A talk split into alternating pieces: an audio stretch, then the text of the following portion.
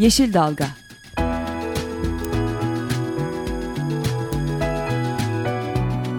Çevre mücadeleleri üzerine.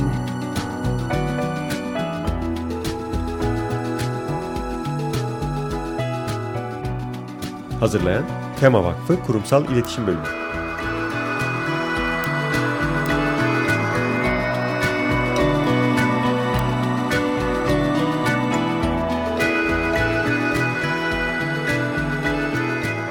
Yeşil Dalga programına katkılarından dolayı Willow Pompa Sistemlerine teşekkür ederiz. Merhaba sevgili dinleyicilerimiz. Yeni bir Yeşil Dalga programına daha hoş geldiniz. Programı hazırlayan ve sunan ekipten ben Özgül Erdemli Mutlu. Ben Esra Yazıcı Gökmen. Hepinize iyi bir hafta diliyoruz. Ee, bugün e, kötü haberleri bir derleme yaptık. Ee, aslında özellikle kömür projemiz kapsamında e, Türkiye'deki kömür madenleri, kömürlü termik santralleri çalıştığımız için e, ve son günlerde Çanakkale'de şu yapılacak, Adana'da bu planlanıyor ya da başka Türkiye'nin farklı yerlerinde haberler gelince biz özellikle biraz daha yakından incelediğimiz iki bölgedeki durumu yakından inceleyelim dedik. Evet. Çevre Politikalar ekibinden Özlem, e, Esra ve ben. E, biraz ondan bahsedelim istedik. Esra'cığım istersen evet, sen başla. Aslında takip etmek e, bayağı güçleşiyor. Çünkü her gün yeni, farklı bölgeden yeni bir haber geliyor. Şimdi Konya Karapınar zaten bizim öncelikle takip ettiğimiz bir bölge. Ama onun dışında baktığımızda mesela Adana, Mersin, Hatay bölgesine bakıyoruz. Adana, Mersin, Hatay birbirine yakın yerleşmeler. Çok geniş bir alan değil. Burada planlananlarla mevcut planlananların da gerçekleştirildiği takdirde mevcutlarla birlikte bu bölgede 35 adet termik santral e, işletmede olacak yakın bir gelecekte. E, bu da çok e, korkunç bir sayı. Aynı şekilde Çanakkale'ye bakıyoruz. Çanakkale'de de şu anda işletmede 15 adet e, termik santral var. E, dolayısıyla Türkiye'nin e, hemen hemen her bölgesinde termik santrallere yönelik çok yoğun bir yatırım var. Zonguldak'ta zaten işletmeler var. Yeni orada da yapılıyor. Ee, devam eden Afşin Elbistan'ın daha sorunları çözülmemişken oradaki Yeni çevre santral. ve insan sağlığı e, açısından gittiğimizde de e, Özgül de gitmişti. E, çok kötü e, durumlarla karşılaşıyoruz. İnsanlar çok ciddi sağlık sorunlarıyla yaşıyorlar. Bunlar devam ederken e, yenilerine de bu kadar büyük bir hızla devam edilmesi e, pek insan e, mantıklı bir açıklama bulamıyor açıkçası. Ve hakikaten konuştuğumuz zaman dediğin gibi 35 çok e, muazzam bir rakam. Sadece Adana'da örneğin hani şimdi Adana Mersin Hatay dedik sadece Adana'da 20 tane olacak. E, mevcutlar ve planlananlar da hayata geçirildiği takdirde bir ilimizde 20 adet ve bölgede 35 adet. E, bu kadar hakikaten e, ihtiyacımız var mı? E, hep de konuşuyoruz enerji verimliliği e, sanayimizdeki e, dağılımların farklı tercihler olduğu takdirde hakikaten bu kadar e, enerjiye ihtiyacımız e, var mı? Ne pahasına bu e, yatırımlar gerçekleştirilecek? O bölge yine Adana Mersin Hatay bölgesi de Türkiye'nin e, sayılı e, özellikle Çukurova e, verimli ovalarından e, bir tanesi ve termik santrallerin oradaki tarımsal üretim nasıl etkileyecek? Verimi nasıl etkileyecek? Ee, bunları da çok ciddi bir şekilde e, düşünülmesi gerekiyor. Tam dediğin gibi yani Çukurova'dan bahsettin. Şimdi biraz daha yakın merceğimizi aldığımız daha uzun süredir Tema Vakfı olarak çalıştığımız bölge Konya Karaman'a planlanan termik santral. Orada da yani Konya Ovası, Konya Kapalı Havzası bizim yani ilkokuldan itibaren öğrendiğimiz Çukurova da keza öyle. Hani o kadar kıymetli e, tarım açısından topraklar, o kadar e, gen havuzu açısından baktığımızda da e, önemli bir e, bölgeyken burada tarım inanılmaz etkilenecek. Afşin Elbistan'da Elbistan'a değindin yine. Eskiden yine bizim çocukluğumuzda en azından bir e, Afşin Ovası, Elbistan Ovası da yetişen işte biberdi hani böyle de öğrenirdik hı hı. E, yerli mallar haftasında ya da genel şeyde hani hangi ovada hangi ürün yetişiyor diye. Şimdi oraya gittiğimizde orada tarımın kalmadığını üzülerek görüyoruz. Yani bunun Afşin Elbistan Türkiye'nin en büyük termik santraline şu anda da ev sahipliği yapıyor. Oranın başına gelenler Konya, Karaman'a, Adana, Mersin, Hatay Çanakkale. bölgesine, Çanakkale her yani bahsettiğimiz her yerin aslında farklı açılardan e, önemli Değerleri tarımsal var. ürünleri. Her şey bir yana insan varlığı yani yerleşimlerin çok yakında planlanıyor. Gediz Ovası, Soma'daki şeyleri yaşadık. Hani hı hı. hem termik santral hem kömür madeni açısından her aşamasının farklı bir e, tehdidi var. Kömürün çıkartılması aşamasında da termik santralin işletmesi ardından o küllerin kül depolama alanları da e, çok ciddi bir e, tehdit etrafında yerleşimler olduğu zaman.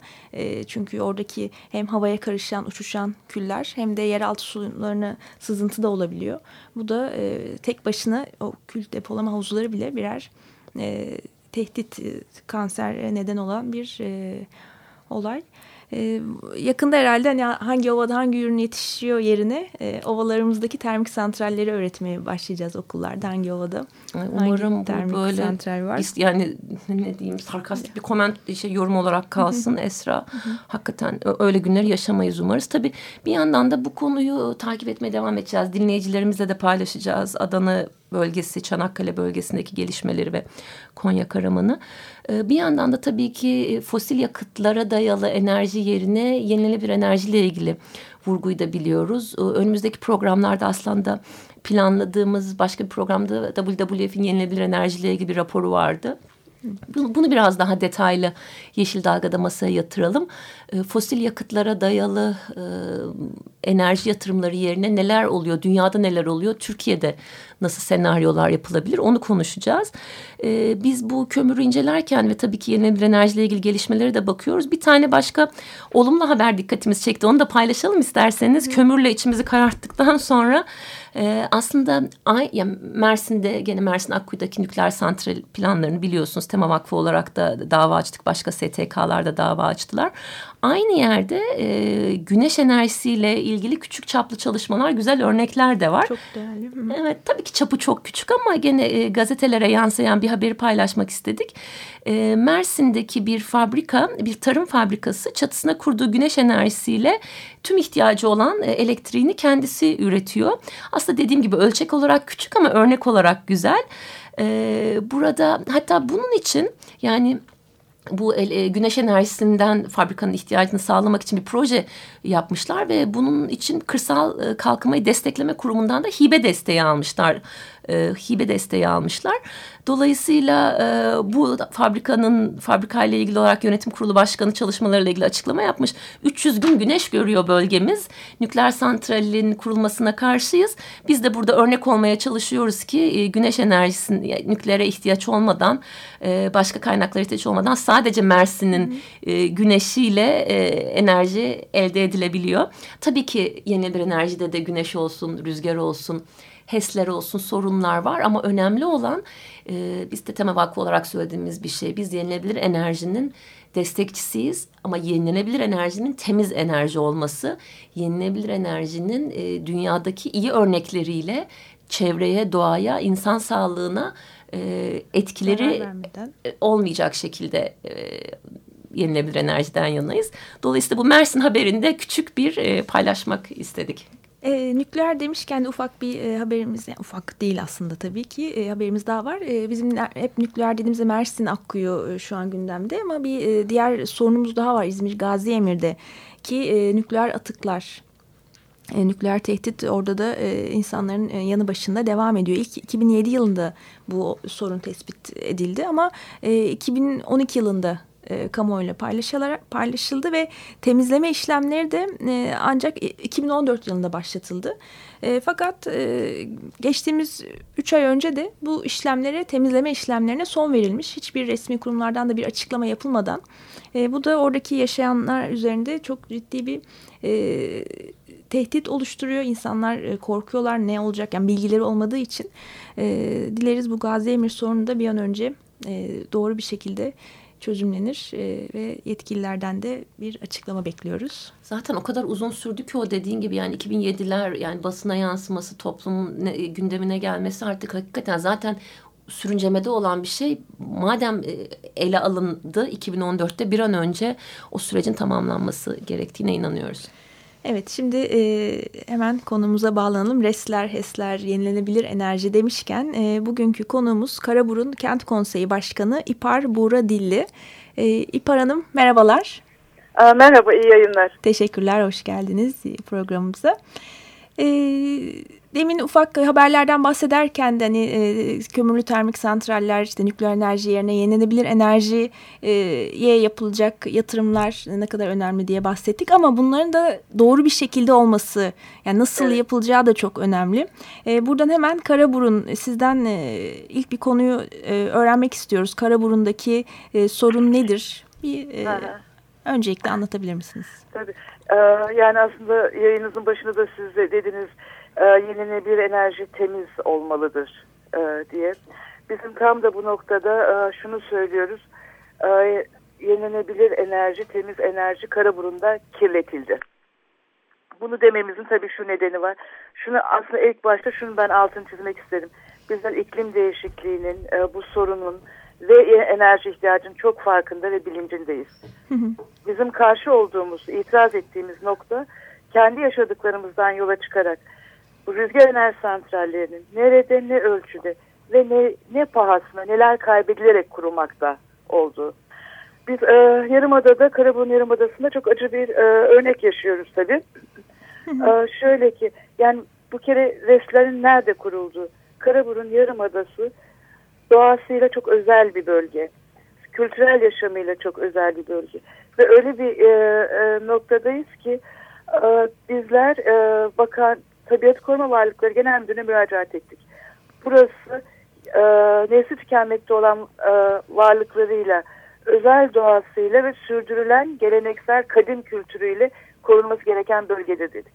Bakanlık bunu kabul etti ve Karaburun Yarımadası özel çevre koruma alanı ilan edilmelidir diye bir gerekçeli rapor hazırladı. Hı hı. Bu çok çok, çok olumlu bir gelişmeydi. Hı hı. Ve burada e, bütün bakanlıklar, bütün ilgili kuruluşlar bu raporu olumlu görüş verdiler. Bir tek Enerji Bakanlığı res yatırımları nedeniyle rapora şerh koydu. Rapor bu nedenle bekliyor. Hı hı. E, şimdi e, biz şunu söylüyoruz. Burası bu anlamda devletin ilgili tüm tarafların kabul ettiği çok özel bir koruma rezerv bölgesidir. Hı hı. Bu bölge üzerinde res izinleri inanılmaz büyük boyutlarda ve inanılmaz yaygın bir şekilde veriliyor. Örnek şu, şimdiye kadar 6 firmaya lisans verildi. 81 tane türbin kuruldu. Bahsettiğimiz alan aslında 415 kilometre kadar küçük bir alandan bahsediyoruz. 81 türbin kuruldu. Bunun iki katı kadar daha izni alınmış. Kapasite artış müracaatları yapılmış. Bildiğimiz iki katı kadar daha türbin e, inşası söz konusu. Hı hı. Ve bunların kapladığı alan e, bir tek e, firma için ÇED gerekli değildir raporunun verildiği alan bu korunası e, yarımadanın yüz ölçümünün yüzde altmış biri. Bu tek bir firma için. Buna diğer beş firmayı da kapasite artışını ilave ettiğimiz zaman bu korunası alan enerji santral sahasına mı dönüştürülmek böyle oluyor. Buna gidiyor. Evet yani Yok. yarımadanın tümü neredeyse e, yarımadanın rüzgar... tamamı. Hı hı. Yarımadanın tamamı. Bu e, biz şunu hayal etmesini isteriz biz dinleyicilerin. Hı hı. Bir tek türbünün yüksekliği 80 ile 100 metre arası. Yani 30 katlı apartmandan daha yüksek. Hı hı. Tek bir türbünün kapladığı alan 500-600 metrekare. Hı Türbinler arasında açılan yollar, türbinlerin interkonekte sisteme bağlantısı, şebekeler, şebeke tesisleri, yeraltı tesisleri, e, türbün kanatları, emniyet ışıklarını falan hepsini ilave ettiğiniz zaman burası bir inşaat alanına, bu korunası alan bir inşaat alanına dönüşüyor. Dönüşecek. Hı hı. Bu bize e, ne yapıyor? Bir kere e, çok e, nadir ve zengin bir kuş popülasyonumuz var. Karaburun bu bakımdan çok özel bir yer. Hı hı. İçerisinde çok e, önemli sayıda nesli tükenmekte olan yaratıcı kuşu barındırıyoruz. Çok önemli bir yarasa habitatı Karaburun Yarımadası. Bunlar yok oluyor. Hı hı. Çok değerli bir bitki örtüsü bu inşaatlarla, açılan yollarla hepsi silip süpürülüyor. Karaburun Yarımadası çok engebelik bir yer olduğu için tarım arazimiz çok azdır tarıma uygun arazi çok azdır. Fakat zeytinlikler, mandalina bahçeleri restlere tahsis ediliyor. Üzüm bağları, mandalina ağaçları resler tarafından satın alınıyor, sökülüyor. bu çok büyük bir ekonomik kayıp ve burada çok büyük bir umutsuzluk yaratıyor. Bu, buranın halkı e, zeytincilikle, mandalinayla ve keçi yetiştiriciliğiyle geçinir. 25 bin tane keçi varlığımız var. Ve bu keçi Tarım Bakanlığı tarafından e, koruma altına alınmış, halk elinde ıslah edilmesi gereken tür olarak tanımlanmış ve destekler veriliyor. Bu nasıl korkunç bir çelişkidir değil mi? Hı hı, çok E, çünkü bu keçilerin otlak, yaylak, mera alanları yok ediliyor. Ya e, yayla köylüler şimdi e, kurulmuş olan e, e, türbinin en yoğun olduğu yer yayla köydür. Yayla köylüler bize 100 bin, 10 bin keçimize göçecek yer gösterin diyorlar. Hı hı. E, keçilerde düşük, verim kaybı, e, zeytinlerdeki bunlar, e, zeytinlerdeki hastalıkların yarattığı tozlar nedeniyle bunlar devletin belgeleriyle de Tarım Bakanlığı'nın müfettiş belgeleri de kanıtlanmış vaziyettedir. Zeytinlikler sökülmeyenler ölüyorlar. Şimdi burada bir sosyal yaşam, bir insan yaşamı, e, insan varlığı yok oluyor. Çok kıymetli bir doğa yok oluyor. Hı hı. E, ve bu şeydir yani bütün bir alanın tamamı için neredeyse res öngörülüyor. Bu, bu korkunç korkunç bir şeydir. Yarımada'nın bu kendi sosyal e, değerleriyle, kültürel değerleriyle ve doğal varlıklarıyla çok önemli bir kalkınma potansiyeli vardır. Biz e, böyle 49 yıllık bir ekonomik ömrü olan santralleri bu binlerce yıllık birikimle gelip binlerce yılda devam edebilecek bu varlıkların yok varsayılmasına isyan ediyoruz ve e, tüm gücümüzle mücadele ediyoruz. İpek Hanım benim iki tane sorun olacak size. Bir tanesi az önce bahsederken merak ettiğim için e, e, tarımla ilgili olan etkilerinden bahsettiniz. Takım müfettişlerin de e, o yönde e, rapor verdiğini ya da o yönde görüş bildirdiğini söylediniz. Örneğin zeytinlikler ve oradaki sınırlı mandalina bahçeleri ne açıdan etkileniyorlar e, reslerden? Zeytinlikler şöyle e, bir kere e, e, zeytinlik alanları res kurumuna izin veriliyor. Bunların e, önemli bir bölümü e, gene hazine arazileridir ve zeytinlik alan yapılması için kiraya verilmiştir. Buraya e, dikilen zeytinler daha sonra res alanlarına tahsis edilmiş. Dolayısıyla ek, dikilen fidanlar sökül, yatırımcı firmalar tarafından dikilen fidanlar söküldü. Bu konuda mahkemeler e, yani köylünün itirazlarıyla bu konuda mahkemeler sürüyor. Zeytinlikler sökülüyor. Bir. E, yani zeytinin e, e, alanlarının üzerine res izinleri veriliyor aynı alanlarda. Bu bir etkisi. İkinci etkisi e, e, bu inşaat ve yol açma süreleri ve inşaatlar ki bunlar böyle hiç raporlarda yazıldığı gibi 5-6 ayda tamamlanan süreçler de değil. E, bunların yarattığı toz e, nedeniyle zeytinlerde kırmızı örümcek hastalığı baş gösterdi. Bu şey yapılan raporlarla tespit edilen konulardan biri budur. Ve gölekler kurulmuştu zeytinlik alanlar için. Gölekler tahrip oldu. Göleklerin suları çekildi. Bunlar da e, e, şeydir e, kanıtlanmış e, devlet tarafından, devlet yetkilileri tarafından belgelendirilmiş, onaylanmış zararlar. Anladım. Ee, böyle yani mandalina bahçelerinde tek tek mandalinaları satın alarak yol açmak için çözüyorlar, söküyorlar. Şimdi de e, mandalina alanlarının yakınında resler kuruluyor. Bir de e, ben şey merak ettim. İkinci sorumda sizin orada e, örgütsel olarak yaptığınız çalışmalardan Karaburun Kent Konseyi'nin bu anlamda öne çıktığını görüyoruz. Bize biraz Karaburun Kent Konseyi olarak neler yaptığınızı, e, bu etkilerini anlatmak ve zararı engellemek için yaptığınız çalışmalardan biraz bahseder misiniz? İkinci onunla ilgili konu sorumda bunun dışında yerelde başka ön plana çıkan dernek e, ya da başka bir kurumlar var mı? E, ve sizin beklediğiniz destek nedir? Hazır sizi radyomuza konuk etmişken e, istediğiniz destekle ilgili olarak da mesajınızı paylaşabilirsiniz. Çok teşekkür ederiz. Şimdi bizim e, yürüttüğümüz çalışmaları aslında bir yurt içi ayaklı var, bir yurt dışı ayağı var.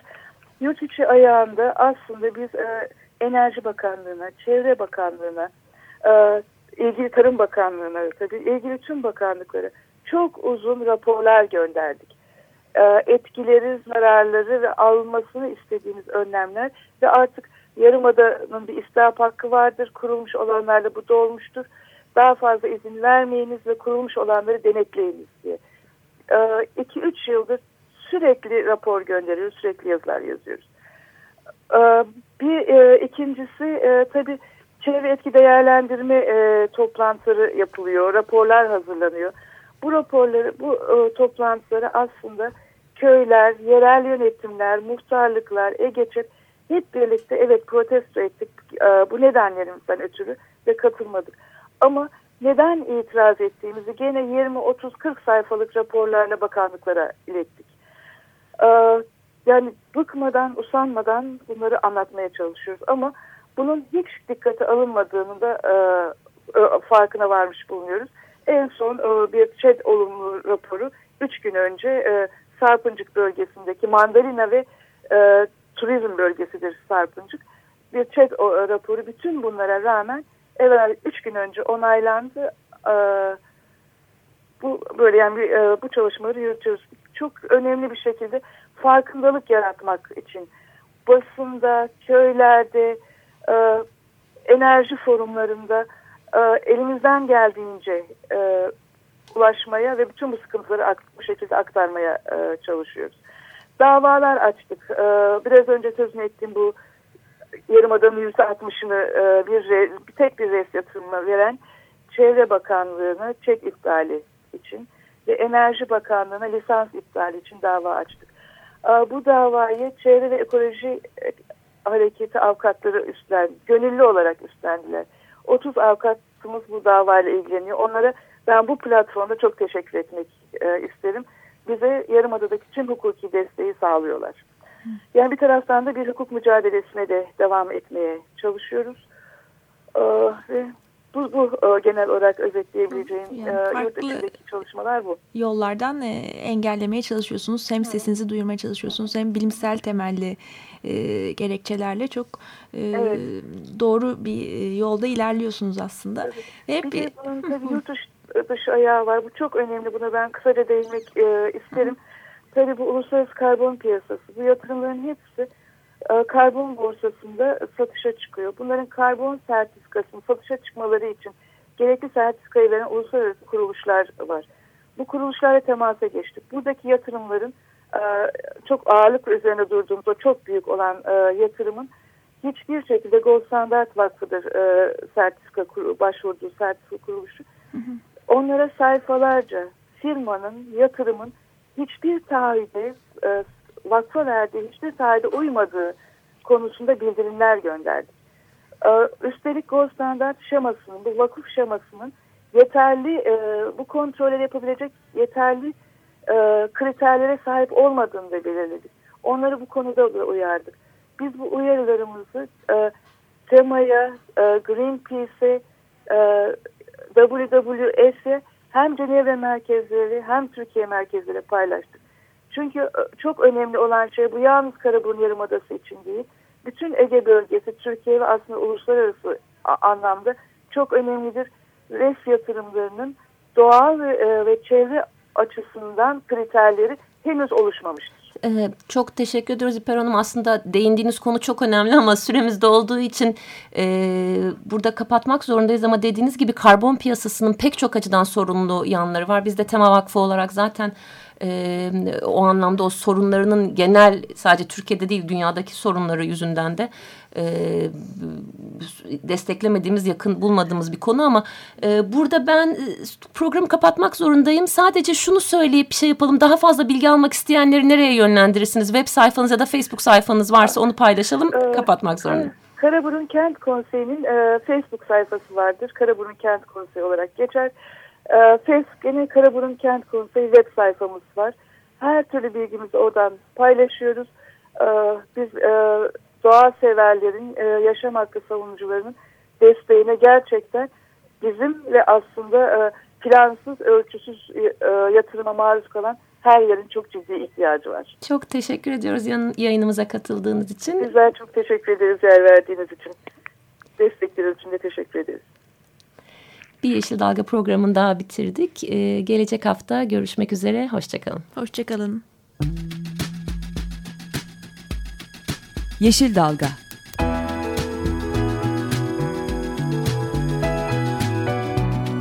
Çevre mücadeleleri üzerine.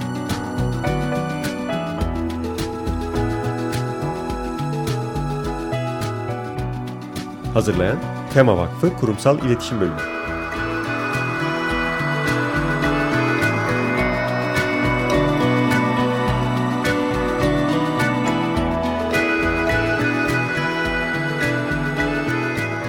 Yeşil Dalga programına katkılarından dolayı Willow Pompa Sistemlerine teşekkür ederiz. Açık Radyo program destekçisi olun. Bir veya daha fazla programa destek olmak için 212 alan koduyla 343 41 41